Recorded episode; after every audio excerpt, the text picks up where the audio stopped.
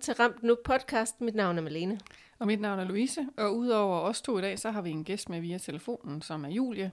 Julie er søster til en lillebror, der efter har haft meningitis, har haft en lang række følgesygdomme og handicaps. Og vi har i tidligere episode her i podcasten talt om søskende. Men den her gang er det fra en anden vinkel. I dag taler vi nemlig med en øh, ung voksen, som er vokset op med en syg og handicappet søskende. Ja, og derudover så synes vi, at det er et ekstremt vigtigt emne, og et emne, der heldigvis er kommet mere fokus på i løbet af de sidste år. Og så rent personligt, så er det også et emne, der betyder rigtig meget for mig, fordi jeg har en datter, der er søster til mit, min, mit syge barn, og da jeg blev gravid med hende, så blev jeg først og fremmest helt vildt glad, og jeg elskede, og jeg elsker stadigvæk, at jeg har fået mulighed for også at forholde mig til den normale verden som mor, fordi den er meget anderledes end, end verden som mor til et barn med et handicap eller alvorlig sygdom. Men samtidig med, at jeg var rigtig glad, så fik jeg også enormt dårlig samvittighed over at skulle bringe et barn ind i, ind i vores familie, fordi den er jeg til helt enormt presset, og der er mange, mange ting, der er, er anderledes og vanskelige i vores familie. Øhm, og jeg kunne være bekymret for, om hun kunne føle sig tilsidesat, eller der ville være andet, der ville være svært for hende. Så det har jeg skulle arbejde rigtig meget med. Men jeg er heldigvis i processen kommet frem til, at det er jo ikke alt, der er dårligt i en anderledes familie, og at meget også handler om, hvordan vi som forældre håndterer vores raske barn, og hvor meget fokus vi har på hende, og hvor meget vi lader hende fylde, og hvor meget vi sådan fortalte om tingene. Ja. Men det var nok om mig. Nu skal det handle om dig, Julie. Velkommen til dig. Ja, ja, tak. Så Julie, vil du ikke starte med at præsentere dig selv, præsentere dig selv ja. og fortælle lidt om dig, og hvad det er, du øh, har oplevet som søskende? Ja, øh, jeg hedder Julie, øh, og jeg har som sagt en lillebror, der øh, har haft meningitis. Mm. Øhm, og på grund af det, så øh, har han nogle forskellige øh, ting, han bare som er normalt. For eksempel har han mini, ja, ikke meningitis, han har epilepsi.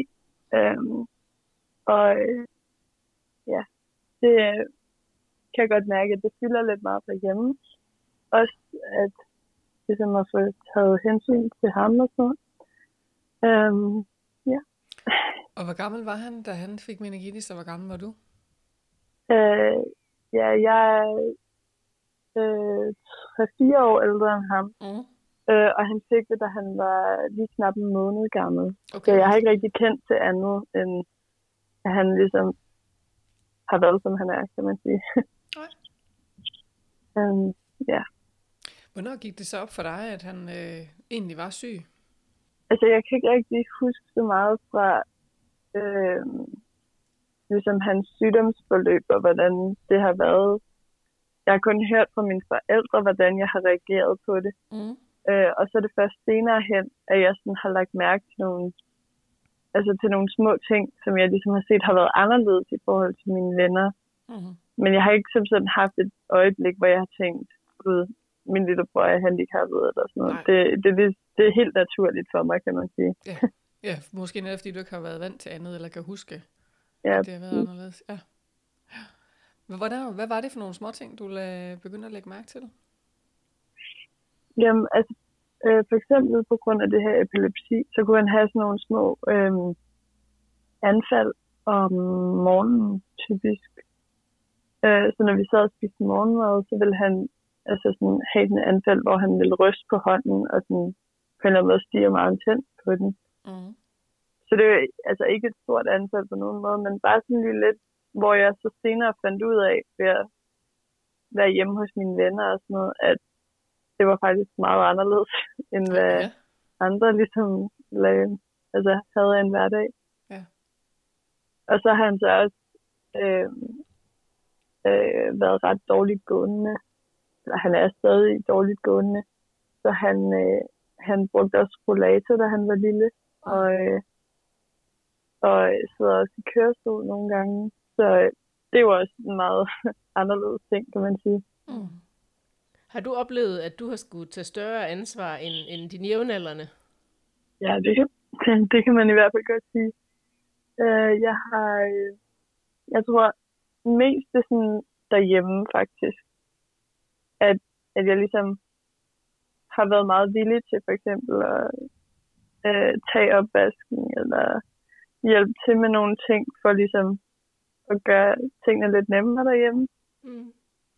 Igen, så har jeg sammenlignet mig ret meget med mine venner, og så øh, fundet ud af, at de ligesom lidt mere har haft en kamp om, hvem der skulle tage opvasken for eksempel. Hvor det er ligesom bare noget, jeg har påtaget mig, fordi at så var der nogen, der havde gang i nogle andre ting om noget andet. Mm. Og hvor det føles altså, naturligt, og det ikke var noget, du sådan tænkte, at det må jeg hellere gøre, fordi ellers et eller andet, eller så bliver mine forældre sure, eller de er, jeg kan se, de er rigtig presset og kede af det i dag, var det, eller var det bare helt spontant? Det var egentlig meget naturligt, Ja. synes jeg. Altså, så var det, altså, så hjalp jeg bare til af mig selv. Mm. meget naturligt. Mm. Har du, har, du, har du følt, at du skulle tilsidesætte din egen behov i forhold til din brors eller den øvrige families?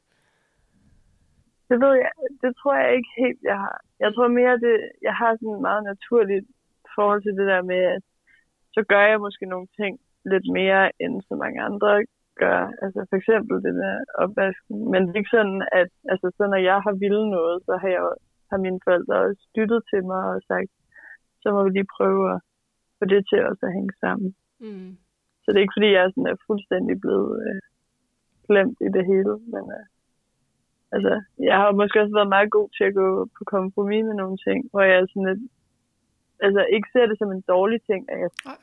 måske ikke lige kommer til at lave det, jeg helst vil, fordi vi alle sammen ligesom også skal være med.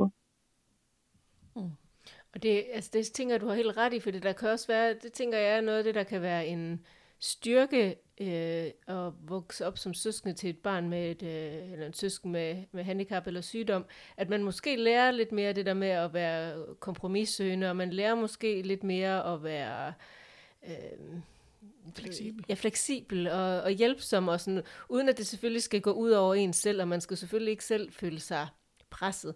Men, men, men det hele behøver ikke at være negativt i den henseende, tænker jeg bestemt. Nej, det er lige præcis. Altså, jeg har egentlig et meget sådan, positivt forhold til, at det her, der, jeg har er blevet spurgt før, om jeg ligesom føler mig lidt glemt i det hele nogle gange. Og der er jo også nogle gange, hvor at så er vi i nogle situationer, hvor det betyder rigtig meget, og vi skal have al opmærksomheden over på min lillebror. Men ikke, altså, så er jeg jo også klar til at, hvad kan man sige, øh, gå helt i baggrunden, og så øh, at lade tingene ske på den måde. Men det, sådan er det slet ikke hele tiden. Altså, på det meste er det det der meget, vi går på kompromis, altså så hjælper jeg lidt ekstra til med nogle ting. Som, altså, så i stedet for at tage en kamp op, og ligesom sige, det gider jeg ikke det her, så gør jeg det bare, fordi altså, det skal jo gøres, kan man sige. Ja, og tænk, men tænker du faktisk ofte, at, at den måde, man har kigget på jeres søskende, eller ser jeres søskende på, det har ofte været ud fra sådan meget negativt med, at I er nogen, der er overset, I er nogen, der er tilsidesat, og det kun er negativt. Er, er det sådan det, du har oplevet, at, at eller har folk Ja. også... Ja, Og det er rigtig tit, at folk, sådan, når, når man begynder at snakke om, at man har en søskende med handicap, at folk får rigtig ondt af en.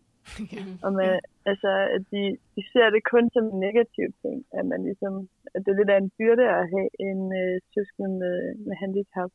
Ja. Og jeg tror, jeg ser det langt mere positivt. altså, jeg tror, jeg, altså mere generelt, hvis du ligesom står i situationen og ikke kender til anden, altså, Mm. hvordan skal jeg så vide, at det var synd for mig? ja, det er lidt det, ikke? Altså, og hvad kan du øvrigt bruge til, at folk har, har ondt af dig? Mm. ja, det kan man ikke rigtig bruge. Nej, det kan man nemlig ikke. Så hvordan har det været, at det sådan at blive mødt med, korrigerer du dem, eller hvad, hvad gør du? Altså, jeg vil sige, jeg tror mest, at jeg prøver sådan lidt at oplyse folk om, at sådan er det ikke rigtigt. Ja. Fordi jeg, jeg synes, det er lidt, øh, altså, så kan de bruge det senere hen, så de ikke stiller en anden i den samme situation. Mm. Øhm, fordi jeg synes, det, man kan godt, altså, det giver på en eller anden måde sådan lidt en, en dårlig stemning, hvis man nogle gange, hvis man nævner, at man for eksempel har en søskende med handicap, fordi folk går ind i det der med, at det, altså, det er noget, der ikke helt er almindeligt, og så bliver det sådan lidt utrygt og, og lidt synd for en, kan man sige. Ja. Så jeg prøver lidt at få folk til at forstå, at det er ikke helt sådan, jeg har det med det. Tror du stadigvæk, der findes nogle, øh, altså folk rundt omkring dig, eller folk ude i verden, har sådan nogle faste øh, meninger og holdninger om, hvordan det vil sige at være handicappet? Altså det er også fordi, de simpelthen ved for lidt nogle gange. Ja, det tror jeg helt sikkert. Ja. Altså, det, altså, fordi man kan sige, det, den eneste måde, folk ligesom ved det på, det er ved, at at få det at vide af nogen, der virkelig ved noget mm. Ja. Så er det jo netop rigtig godt, at du øh, er med til at tale det her i dag. Fordi jeg, jeg, ja. jeg, vil egentlig... Jeg, jeg er ret enig med dig i, at det, som jeg også sagde i starten, det behøver simpelthen ikke at være negativt, men det er det, man meget hurtigt får... Øhm, det er den forestilling, man meget hurtigt får, og det er meget hurtigt det, der bliver i talesæt. Det er også det, jeg oplever i hvert fald. Og jeg tror også, det er derfor, at når jeg, da jeg blev gravid med min datter, straks tænker sådan, ej, hvor er det også lidt forfærdeligt for hende. Men det behøver det jo ikke kun at være. Men det er jo fordi, man hører alle de negative historier. Og selvfølgelig er det ja. også for nogle børn øhm, hårdt at leve i skyggen, som man kalder det, af en, af en handicappet eller, eller øh, alvorligt syg søsken. Men det tror jeg bare heller ikke altid, det behøver at være. Det er du et godt eksempel på, at det, at det behøver ikke altid at være trist eller hårdt, eller man behøver ikke altid at føle sig svigtet eller overset. Nej, det oplever jeg jo også ligesom i perioder, hvor der så sker der en hel masse. For eksempel, hvis min lillebror har haft et anfald, så er det jo hele koncentrationen jo på ham, og han skal have det godt, og vi skal ligesom tilbage til vores Altså, fordi det er lidt et, øh, altså, det er lidt i bølger, hvornår det går godt, og hvornår det går dårligt, ikke? Mm. Og, øh, hvad hedder det, så har, øh, så på den måde er det jo, det folk ser, de ser jo, når det går galt, kan man sige, eller når der er de der øh, hårde ting, der lige rammer en gang imellem. Øh, og der tror jeg bare, det er vigtigt, at også få, altså, jeg har et stort behov for, at mine venner i hvert fald ved, at det er jo langt fra hver dag, det er sådan. Altså, det er jo sjældent, kan man sige. Ja, du havde en fin pointe i starten, ikke? at under morgenmaden, så kan det være, at den ene hånd ryster lidt, eller han, øh, eller han ja. stiger lidt mere. Og jeg tænker, folk har jo ofte, igen, måske på grund af manglende viden, sådan tænker hvis det er epileptisk, så er det det der voldsomme, man kan se nede i mm. gågaden nogle gange, eller noget, ikke? Hvor det, hvor, og det er jo ikke sådan der hele tiden. Ja. Så du tilpasser dig jo løbende i det, fordi du både ved, at der selvfølgelig er tider, hvor der det er sværere og voldsomme, og andre gange, hvor det er, er mindre, eller måske slet ikke. Ja. ja. Hvordan har I talt om det i jeres familie? Altså, jeg vil sige, at vi har talt en del om det.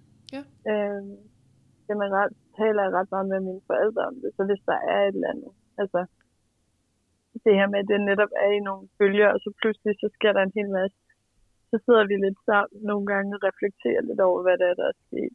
Ja. Øhm, også for, at vi ligesom alle sammen er med. Så det er lidt, sådan, jeg kan sige, vi er ret meget hele familien om det, kan man sige. Ja. Har du andre søskende? Nej, det har jeg ikke. Okay. Men jeg synes, det lyder jo ret fornuftigt, altså fordi det tror jeg også er noget af det, der er en beskyttende faktor, at man sådan taler om tingene, så det ikke bliver skræmmende. Jeg kan forestille ja. mig, at hvis at man skal sættes i et andet rum, når der er en, der har et anfald, og man ikke, så kan man sidde og tænke, hvad er det her, hvad handler det om? Jeg tror, at det er rigtig vigtigt, at man inddrager børnene i det omfang, de nu selvfølgelig øh, ja. kan magte og kan forstå Fordi det. Jeg har også haft, da jeg var mindre, der, så det kommer ret naturligt, at man virkelig har lyst til at øh, altså ligesom være en del af det, også når der sker de her lidt voldsomme ting og sådan noget. Mm. Altså så er ligesom være inkluderet og sådan noget. Og det er noget, mine forældre helt sikkert er blevet bedre til. Hvor da jeg var mindre, det giver også sig selv, at jeg var mindre, men øh, at jeg ikke var lige så meget inkluderet, hvor jeg egentlig var følt mig klar til ligesom at være med mm. til at snakke lidt om det og sådan noget. Og det, det snakkede jeg så også med mine forældre om, og så lavede vi det selvfølgelig om. Men øh, jeg tror tit, man godt kan opleve på et eller andet tidspunkt, at en forælder gerne vil fjerne noget af alt det her ansvar, man mm. egentlig selv påtager yeah. sig yeah. i sådan en situation. Og, og det er en meget svær balance, som jeg tror, altså den måde, jeg har løst det på, er i hvert fald bare ved at snakke en masse med mine forældre om det. Fordi ellers så har de ingen mulighed for at vide, hvad jeg gerne vil, og jeg har ingen mulighed for at vide, hvad de synes om det. Har du, øh, Julie, modtaget noget information, da du var yngre som barn, og tilbud om at være med i nogle grupper eller noget, eller, eller det været noget, I kun har snakket om hjemme i familien?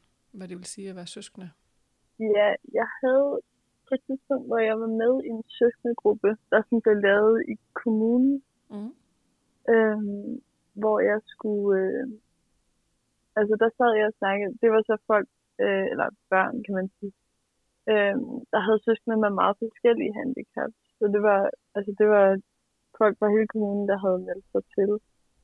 Øhm, og bagefter synes jeg, jeg har fået en del ud af det. Ligesom det der med at lære at tænke øh, altså over det. Fordi normalt så er det noget, der bare går lidt i sig selv, og man ikke rigtig tænker over det. Ja. Øhm, men jeg kan huske, at jeg skulle til den der gruppe ting, kunne jeg ikke helt forstå, hvorfor det var så vigtigt. Øhm, og så her senere har jeg jo blevet en del af SØF, kan man sige. Så Mm. det er også et netværk, jeg bruger til at, at snakke om tingene. Lægger du mærke til, Julie, om det har ændret sig fra det, at du har været helt lille barn, til du nu jo er, er voksen ung, om, om måden, du er i det på, har ændret sig? Ja, det gør det helt sikkert. Ja, hvordan? Fordi da jeg var mindre, der var det sådan mere, det her mit lillebror, han er på den her måde, og, og sådan er det. Så, altså, så hjalp jeg måske lidt mere øh, øh, ham direkte, da jeg var mindre, og var Mhm. sådan, nu skal du gøre det her. Sådan, det er sådan rigtig storsøsteragtigt Mhm. på en eller anden måde. Ikke? Mm. Og nu er det mere, at jeg hjælper mine forældre, så er jeg sådan lidt, Nå, så skal vi også gøre det her. Og sådan noget. Så det er ikke direkte, at jeg går hen til ham og sådan, nu skal du gøre det her. Eller sådan noget. Nej. Nu er det nok mere, at jeg siger til mine forældre, burde, burde han gøre det her? Eller sådan noget. Og Ja. det, men jeg synes stadig, altså, det lyder, for det også til at lyde lidt som om, at jeg ikke snakker super meget med ham og sådan noget. Det gør jeg jo stadig. Det er bare på en lidt anden måde. Ja. Øh, også fordi jeg har reflekteret ret meget over, ligesom, hvad det vil sige at være søskende. Øh, også for ligesom at få den der, så det ikke bare er, at jeg skal hjælpe ham hele tiden, men at han også er der ligesom bare som min bror, uden at jeg skal hjælpe med noget. Mm. Så du har måske virkelig lidt flere roller, tænker du det? Det tror jeg, jeg har lidt et behov for i hvert fald at fordele det lidt op. Ja. Øhm, Hvordan gør du det? men så har jeg for eksempel, at så ser jeg på min bror som min bror, og så hygger vi også og spiser pizza sammen eller eller andet. Altså laver ting sammen, øh, hvad kan du sige, helt almindeligt. Mm. Øhm, og så har jeg ligesom en anden del, som er, at jeg holder øje med, altså om han har det godt, og øhm, der er noget, der skal laves om på, også i forhold til, hvordan han er sammen med mine forældre og sådan noget. Ja. Der kan godt være sådan lidt, øh, altså, jeg ved ikke, holde lidt ekstra øje med ham på en eller anden måde. Så er der lidt ekstra så- omsorg den vej. Ja, ja. Så det er ligesom to, det er altså to del på den måde, ikke? Hvad med dig og din bror? Snakker I sammen om hans, øh, hans udfordringer, hans vanskeligheder? Ikke rigtigt. Ikke, ikke mere. Nej. Men han har det også tit med sådan at bruge øh, sit handicap som en undskyldning. Så han, han nemt vil bare sige, at det er fordi, jeg er handicappet, så kan jeg ikke de her ting. Så er jeg sådan lidt, så er jeg lidt uenig. Ja. Kan I lave lidt sjov med det faktisk? Ja. ja. det, det gør vi nogle gange. ja. Nogle gange Ja. kan ting jo også blive så tunge, at hvis man hele tiden skulle være alvorlig i det, ikke, så er det jo, så er det jo træls Ja. at være. Ja. Ja. Ja. Mm. Jeg kan også bedst lide at holde det mere alvorligt til at snakke med mine forældre om det. Ja. Fordi det er også sådan lidt at, altså, nu, han er 15 år nu, så han har ikke sådan super meget brug for at blive, øh, hvad kan jeg sige, tænke over de her, altså nogle meget alvorlige ting. Han skal til at skifte fra skole og så ud til en ny skole og sådan nogle ting Mm. senere hen. Og øh, er, generelt er han meget sådan, øh, han skal vide, hvad der skal ske. Øh, ligesom førhen, og han tæller ned til ting, der sker. Og sådan noget. Så det her med at få sådan nogle store ting at vide, det kan godt stresse en hel del. Ja. Så det er også derfor, jeg har det bedst med at holde nogle ting til mine forældre. Mm. Så på den måde kan man ikke rigtig spare med ham i den form. Der er det meget rart at have nogle, nogle andre. Mm. Mm. Og bruger du din, øh, din egne, dit eget netværk, dine egne venner også den forbindelse, eller holder du det mest til dine forældre? Mm, altså, der bruger jeg nok mest søf, for jeg har det lidt svært ved at snakke med mine andre venner om det, kan man sige. Ja. Øhm, fordi, at, altså, for det første har de flere søskende end mig, og så er der ikke rigtig nogen af dem, der står i samme situation, som jeg gør. Og, øhm, og der synes jeg, det bliver meget anderledes i forhold til, hvad jeg skal som søskende. Eller jeg føler, at jeg skal gøre som søskende, i forhold til hvad de føler, de skal gøre som søskende. Mm. Kan du nogensinde misunde dem det? At det er lidt anderledes, det de gør? Eller er det igen, at det har du ikke Ja, det har jeg helt sikkert gjort. Specielt når jeg tænker på sådan i, altså senere hen i livet, sådan fremtiden, så kommer jeg til at skulle tage mig en del mere af min lillebror, end jeg gør nu. Ja. Hvor de nok har nogle, altså jeg forestiller mig, at de så vil have nogle søskende, de kan spare med på nogle helt andre ting. Ja. Øh, og der kommer jeg nok til at stå lidt meget alene med tingene. Mm. Mm. Så øh, det, det kan jeg godt være lidt misundelig over. Ja. Måske også fordi jeg ikke ved, hvad der kommer til at ske i fremtiden. Mm. Ja, der er lidt uvidshed, ikke om det, hvad- hvordan det ser ud i fremtiden, men der kan jo godt være sådan en, en bekymring alligevel om, hvordan det bliver. ja, præcis. Mm. Jeg kunne godt tænke mig at høre, hvad der har været øh, det bedste og det værste ved at, være, ved at vokse op med en søsken med et handicap. Den er måske Jeg tror, det værste har været, når vi sådan har været, eller ja, begge, man kan sige, begge eksemplerne er nok lidt med, øh, når vi har været ude blandt andre mennesker faktisk. Fordi når vi er ude på tur, så sidder han typisk i kørestol. Øhm, og det lægger folk rigtig meget mærke til. Og nogle gange kan jeg godt mærke, at jeg sådan bliver irriteret over, hvor mange der egentlig kigger efter en, der sidder i kørestol. Ja. Øhm, og det, det tror jeg næsten er noget, som er det, der sådan, er det, jeg vil ikke sige det værste, eller det, der hvor jeg sådan mest har lagt mærke til, at, at vi er anderledes som familie egentlig. Mm. Øhm, men så også når vi er ude, for eksempel i sådan et forlystelsessted eller sådan noget, så fordi han sidder i kørestol, så har man også sin fordel, kan man sige. I kommer foran i køen. Det kan man lige igen kende. Ja. Jeg kan huske, i, det vil være rigtig længe siden, men vi var i Disneyland i USA. Og der er, jo, der er det jo kendt for at være virkelig, virkelig lang køer på flere timer. Og det var, det var en meget nem tur, vil jeg sige. det var virkelig dejligt. Men så bliver han så også hurtigt træt, men alligevel, så har man stadig det der, så går det jo så også lidt hurtigere, kan man sige. Ja. Det er altså virkelig, det er hyggeligt. Det Ja. gør jo også, at vi kan have en god tur, når vi er afsted, og det bliver jeg rigtig glad over, Ja, det er klart. at vi har muligheden for det. Så det, det er jo sådan i de store ting, er der noget sådan i den helt sådan nære hverdag, hvor der er noget, du synes, der har været bedre, og noget, der er lettere, og noget, noget der er sværere? Mm, det ved jeg ikke rigtigt. Altså, jeg synes egentlig generelt bare, at der er gode ting i hverdagen. Det er kun, når det lige, hvad kan sige, bæret flyder over en gang imellem, at, øh, at det lige bliver lidt for meget. Ja. Men det kan jeg ikke forestille mig, at det ikke også vil være et andet sted. Nej, Eller præcis. i en anden familie, det er uden der er handicappet. Og det har du jo ret i. Jeg kommer også til at tænke på, hvor du siger det der med, hvor vi snakker om, at du tager ansvar. Jeg tænker også, at, at, at familier, hvor der ikke er, er børn med handicaps, der, der, der skal søskende også, søskende også tage hensyn til hinanden og tage ansvar for hinanden. Man kan jo godt altså, bede en storesøster eller storebror om at hjælpe til med lillebror eller lillesøster. Det vil man jo også gøre i en helt almindelig familie. Det bliver bare måske Ja. nogle gange lidt mere tydeligt gjort i en familie øh, med et handicap eller sygt Ja. Ja, ja, men det er også, jeg tror også, det er mere, at så er det, altså, så er det for eksempel noget, han ikke kan gøre, så bliver jeg ligesom nødt til at gøre det, ikke? Altså, Ja. så, så er rollerne ligesom fordelt, hvor jeg tror, i en familie, hvor øh, begge egentlig har mulighed for at gøre det, så tror jeg godt, der kunne at vi skabte en konflikt nogle gange om, hvem der så skal gøre det. Mm. Ikke? Mm. Det kan du have ret i. Øh, og på måde synes jeg, det løser en hel del. Ja. og øh, er meget dejligt. Og det er jo helt også, det er bestemt også godt at se på det positive i det. Altså, fordi det er du jo fuldstændig ret i, der, som vi startede med at snakke om også, der er jo også rigtig mange positive ting i det her. I hvert fald mm. i rigtig mange familier. Ja. Ja.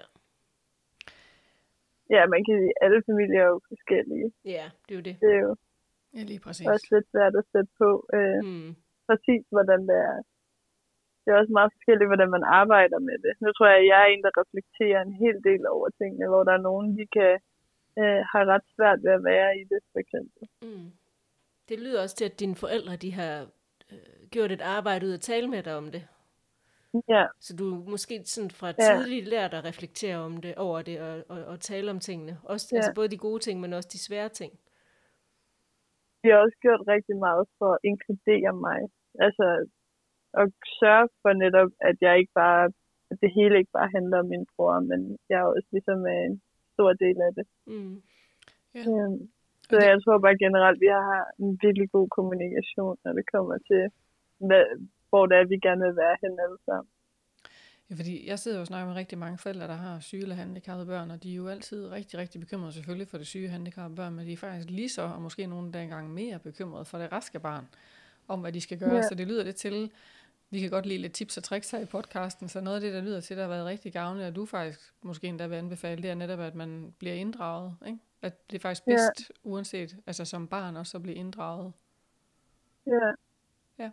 Og så tror jeg også, at, øh, at man som barn eller som søskende er lidt mere klar til at blive inddraget typisk lidt tidligere, end ens forældre lige tror, man er klar til det. Ja, det er en rigtig god pointe. Mm. Mm. Mm. Altså det er i hvert fald min erfaring, og det er også det, jeg har snakket med andre om, at det er faktisk der, at den periode, der er rigtig svær, den, hvis man ikke bliver inkluderet nok i noget, man egentlig... Fordi man engagerer sig jo i sin søskende på en eller anden måde, ikke? Jo. Og, øh, og hvis man så ikke bliver inkluderet nok, så føles det også lidt forkert. Altså. Så det er så der, man går ind og prøver at hjælpe til på alle mulige mærkelige måder. Mm. Så det handler vel i virkeligheden om, at, sådan, at man med jævne mellemrum tuner ind på hinanden og lige får forventningsafstemt. ja. Noget, jeg også vil spørge dig om, Julie, det er, at øh, sådan inden for forskningsområdet, så har der jo nogle år været sådan et, ja, i hvert fald praktisk anvendt begreb. Jeg ved så ikke, hvor, hvor meget fan jeg er, men det er et begreb, der hedder skyggebørn. Hvad tænker du om det? Er du, er du nogensinde selv blevet, er du, har du hørt det ord, eller er du selv blevet mødt med det, at du så er et såkaldt skyggebarn, altså underforstået, at man vokser op i skyggen? Er det rigtigt? Jeg har egentlig ikke rigtig stødt på det før her for nylig, Nej, øh, fordi der lige er kommet sådan en film ud. Ja, det er rigtigt. En dokumentar, Der er det hedder- det, du mener? Ja. Ja, den der Det på TV2. tror jeg. Ja. Ja, ja. Øhm, og ellers har jeg ikke rigtig sådan, øh, øh, stødt på ordet før. Nej. Men altså, øh, så jeg, jeg læste ligesom lige lidt op på øh, ordet efter at høre den her dokumentar mm. øh, var kommet ud. Øhm, og det, altså, det giver jo egentlig meget fin mening, men øh, jeg har svært ved selv at se mig i den. Mm. Altså, Ja. jeg tror ikke, jeg vil se mig selv som et skyggebarn. Nej. Har du, kunne, Øh. kunne det hedde noget andet? Hvad? Kunne det hedde noget andet? Kunne du tænke, kunne vi finde på noget, der var bedre? Mm, det ved jeg faktisk ikke helt. Nej. Øhm, altså, jeg, jeg går ret meget op i ligesom, altså, jeg tror, jeg holder mig meget til rollen om at være søskende. Ja. Mm. Øhm, så det med ligesom at, øhm, altså, jeg tror egentlig, jeg gør ret meget for ligesom at holde mig egentlig oppe, så jeg ikke, altså fordi det giver, det giver god nok mening, at det hedder skyggebarn. Jeg tror bare ikke helt, at jeg er, ligesom er der, hvor jeg vil kalde mig selv for et skyggebarn. Det har også lidt en leg- negativ klang igen, ikke? vi snakkede om, at man Ja. som udgangspunkt antager, at det faktisk kun er forbundet med noget træls, for at sige det på godt jysk. Ja, det er også rigtigt nok. Jeg, vil Jeg ved ikke, hvad man ellers vil kalde det. Men Jeg, jeg tænker, jeg, vil, jeg, jeg tror egentlig, jeg vil tænke om det bare sådan, at det er, der vil måske være nogen, der er skyggebørn, hvor den er rammende, fordi du er i skyggen, hvis det er et meget, meget alvorligt sygt søsken, eller handi- en, der har et meget alvorligt handicap. Men jeg tror bare ikke, at det er givet det alle, men, men jeg tror det hurtigt, at alle får det et prædikat på. Altså, men, men, men, men jeg, det, det, jeg tror heller ikke, det lyder heller ikke for mig, som om du har været et skyggebarn, Julie. Så, så jeg synes Nej. også, det er forkert, at man bare automatisk skal have den label på, men jeg tror også, at nogen kan være det. Og ellers så kan man måske ja, tænke, det, vil- tror jeg helt sikkert også, Ja. at der er nogen, der kunne være. Ja. Eller der er nogen, der er det. Mm. Ja, der kommer jeg til at afbryde det, Julie, det må undskylde med. Så tænker jeg også, at der er jo også måske noget at tænke om, at det er lidt, det er lidt, øh, det er lidt gammeldags måske. Fordi det har været sådan, at man ikke rigtig har taget hensyn før til søskende, og nu ved man mere og mere, så det kan også være, at det så bliver afviklet. Mm. Julie, du er jo med øh, i bestyrelsen i øh, Søskendeforening, der hedder SØF. Kunne du ikke prøve at fortælle kort lidt om, hvad det er for et sted? Jo, øhm, SØF, det er en søskendeforening, øhm, og vi, det vi egentlig gør, det er, at vi skaber et netværk for folk, der har søskende med handicap, øhm, og så holder vi typisk nogle øh, gåture, øh, hvor vi øh, går og snakker lidt om, hvad der er, der sker. Så vælger vi typisk et tema, men man kan ligesom snakke om alting. Og vi behøver ikke at snakke om vores søskende. Det er bare tit, at samtalen lige falder derhen, når man nu er sammen med folk, der står lidt i nogle samme situationer. Øhm, og det bruger jeg rigtig meget. Nu er jeg så også medlem af bestyrelsen, men det er virkelig øh, et meget hvad kan sige, uforpligtende og øh, god måde lige at, at møde nogen, der er lidt på samme måde som en selv. Ja. Øhm. Og et relativt nyt øh, koncept, kan jeg forstå, ikke? Jo, altså det har været her i nogle år nu. Øhm, men så har der jo været corona, Ja. jeg synes, vi prøver lige at få det lidt op og køre igen. Og, og sådan rent praktisk, hvis der sidder der nogen ude og lytter og tænker, det lyder virkelig interessant, så er det, det er rigtigt forstået, det er kun i hovedstadsområdet, de hører til for nuværende. Ja, det lige, Ja. lige nu er vi kun i hovedstaden. Øhm, og øh, på sigt arbejder vi også på at få noget til Aarhus, men der kommer til at gå noget tid. Mm. Mm. Ja, det er klart. Der skal også være kræfter til det, og, og, og mennesker, som vi kan, der kan Ja, støtte op herover. ja, lige præcis. Og aldersmæssigt, hvor, hvor gammel øh, må man være for at komme med i den søskende forening? Er der, er der noget om det? Øh, nej, der er ikke sådan en aldersgrænse. Øh, vi har nogle lifestyle-ture for sådan små børn. Så Ja. øh, øh, altså helt små børn, kan man sige. Og ellers er det bare alle aldre, kan man sige. Ja. Øh, som har lyst til at dele nogle erfaringer og bare snakke med nogen. Det er jo et rigtig, rigtig godt koncept. Mm. Så Jule, vil du ikke lige fortælle, hvor det er, man kan søge noget mere information om, om SØF, hvis man nu bliver nysgerrig på, hvad det er? jo, øh, vi har en hjemmeside, øh, der hedder søf.dk, så den er meget nem at finde. Og Ja. så er vi også på både Facebook og på Instagram. Mm. hvor vi også bare hedder Søf. Super. Men Julie, jeg tænker, at det var nogle, øh, en god samtale, vi havde med dig, og nogle gode, virkelig centrale pointer, du kom ind på. Jeg kan i hvert fald mærke, at øh, jeg sidder og tænker over de ting, du har sagt, og virkelig kan tænke på mange, hvor det kan være brugbart for dem at høre. Det er særligt måske familier, hvor de også overvejer, øh, om man tør få søskende, Ja. eller man har i forvejen et sygt barn. Så jeg vil bare sige Ja. dig tusind, tusind tak, fordi du vil være med. Mm. Mm, det er mig, der takker. Det er super fedt. Og jeg vil også sige tak, fordi at du deltog, og, og tak fordi, at du bidrog drog til en positiv historie, øh, og om at tingene ikke behøver at være så tunge og så hårde i, øh, i anderledes familie. Det er jeg personligt rigtig glad for at høre, og det tror jeg, at rigtig mange andre også sætter pris Ja. på at høre. Så Julie, tusind tak til dig for at have deltaget i dag, og så øhm, runder vi af med dig. Ja, Tak. Vi har jo i en tidligere podcast været inde på det mere sådan teoretiske viden om øh, søskende og de forskellige begreber, og jo særligt det der praktiske anvendt begreb skyggebørn, som vi jo så også lidt fint har fået sat lidt anderledes fokus på i dag. Jeg tror, det jeg vil øh, opsummere i stadig omkring søskende, det er, at vi skal virkelig huske, hvor en særlig pårørende gruppe de er. Og øh, det er jo sådan, at der er 33.000 børn, der øh, oplever årligt at få søskende, der bliver alvorligt syge. Det er et tal, jeg har fra faktisk Søskendeforeningen, så de er relativt frisk fra fred. Øh, og heldigvis er der lige nu rigtig, rigtig, rigtig meget og tiltagende øget fokus på børn som pårørende øh, i alle mulige sammenhænge, både i forbindelse med sorg. Jeg ved, børn, unge og sorg også begynder at køre noget i forhold til søskende helt op til 28 år. Og jeg ved også, at de forskellige hospitalsregi har særligt fokus på søskende som en pårørende gruppe, der kræver lidt særligt. Det kan jeg kun bakke op om. Det er jo sådan, at søskende har været overset i lang tid. Det, man skal huske med søskende, det er netop også, når de er særlige, de er, er jo i dilemma i forhold til netop, at der er nogle forældre, de føler måske, nogen kan føle, de skal tage hensyn til, og så skal de forholde sig til det at have en syg søskende.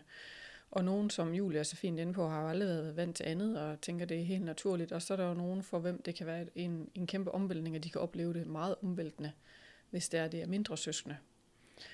Øh, og det kan give dem stresssymptomer, de kan få trivselsproblemer selv, og det med at påtage sig et stort ansvar eller holde sig lidt tilbage, kan jo både måske være noget, der er godt, men det kan også være skidt. Jeg tror også, vi snakkede om i den forrige podcast med fokus på søskende, at der er jo, det er jo de samme faktorer, der i sig selv både kan være det, man kalder risikofaktorer og så beskyttende faktorer. Øh, for det kan jo også være en god ting, at man faktisk kan tilpasse sig i, en, i en verden og lære at tage hensyn, og omvendt kan det jo også være negativt. Det, man skal være meget opmærksom på i forhold til søskende, det er den der følelse, måske særligt ude som i omgivelserne ude i verden, som Julie også fint nævner med, egentlig, at, at det er konfrontation med andre, man kan føle sig forkert og anderledes, så der kan det jo være interessant, hvis vi kan få en mere åben dialog om også, hvad det vil sige at være anderledes, og hvad det indebærer. Øh, det man også ved om søskende, det er, at de er jo selv i en højrisikogruppe for at udvikle senere øh, problemer, og derfor kan vi jo kun støtte op om alle de tiltag, der er for at forebygge og, og fortælle om, hvordan det er at være søskende.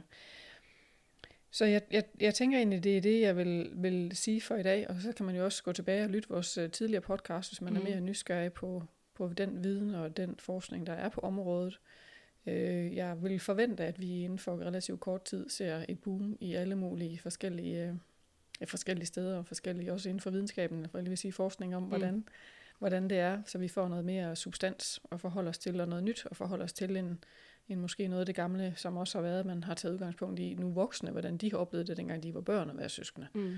Så øh, det vil jeg se frem til. Ja, jeg tænker at det er, det er super positivt, at der er begyndt at komme mere fokus på søsken, at, det, øh, ja, at der er flere tilbud og generelt set mere fokus og mere forskning. Det der er helt vildt godt.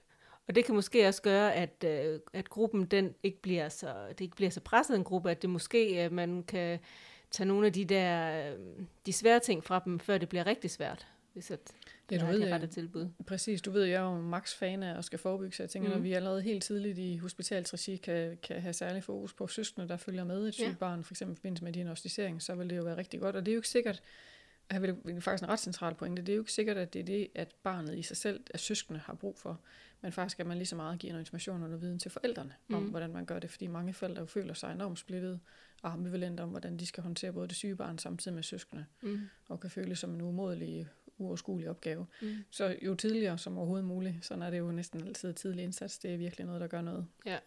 Så med det, så tror jeg, at vi skal runde af for mm. i dag, og det var endnu en, et indslag og en podcast om det at være søskende. Jeg er ret overvist om, at vi er ikke færdige med det her emne endnu. Det mm. kommer lidt, det kommer lidt drøbvis, og ja. hvis der er nogen, der har nogle input til det, må de jo også meget gerne henvende sig til os. Helt sikkert.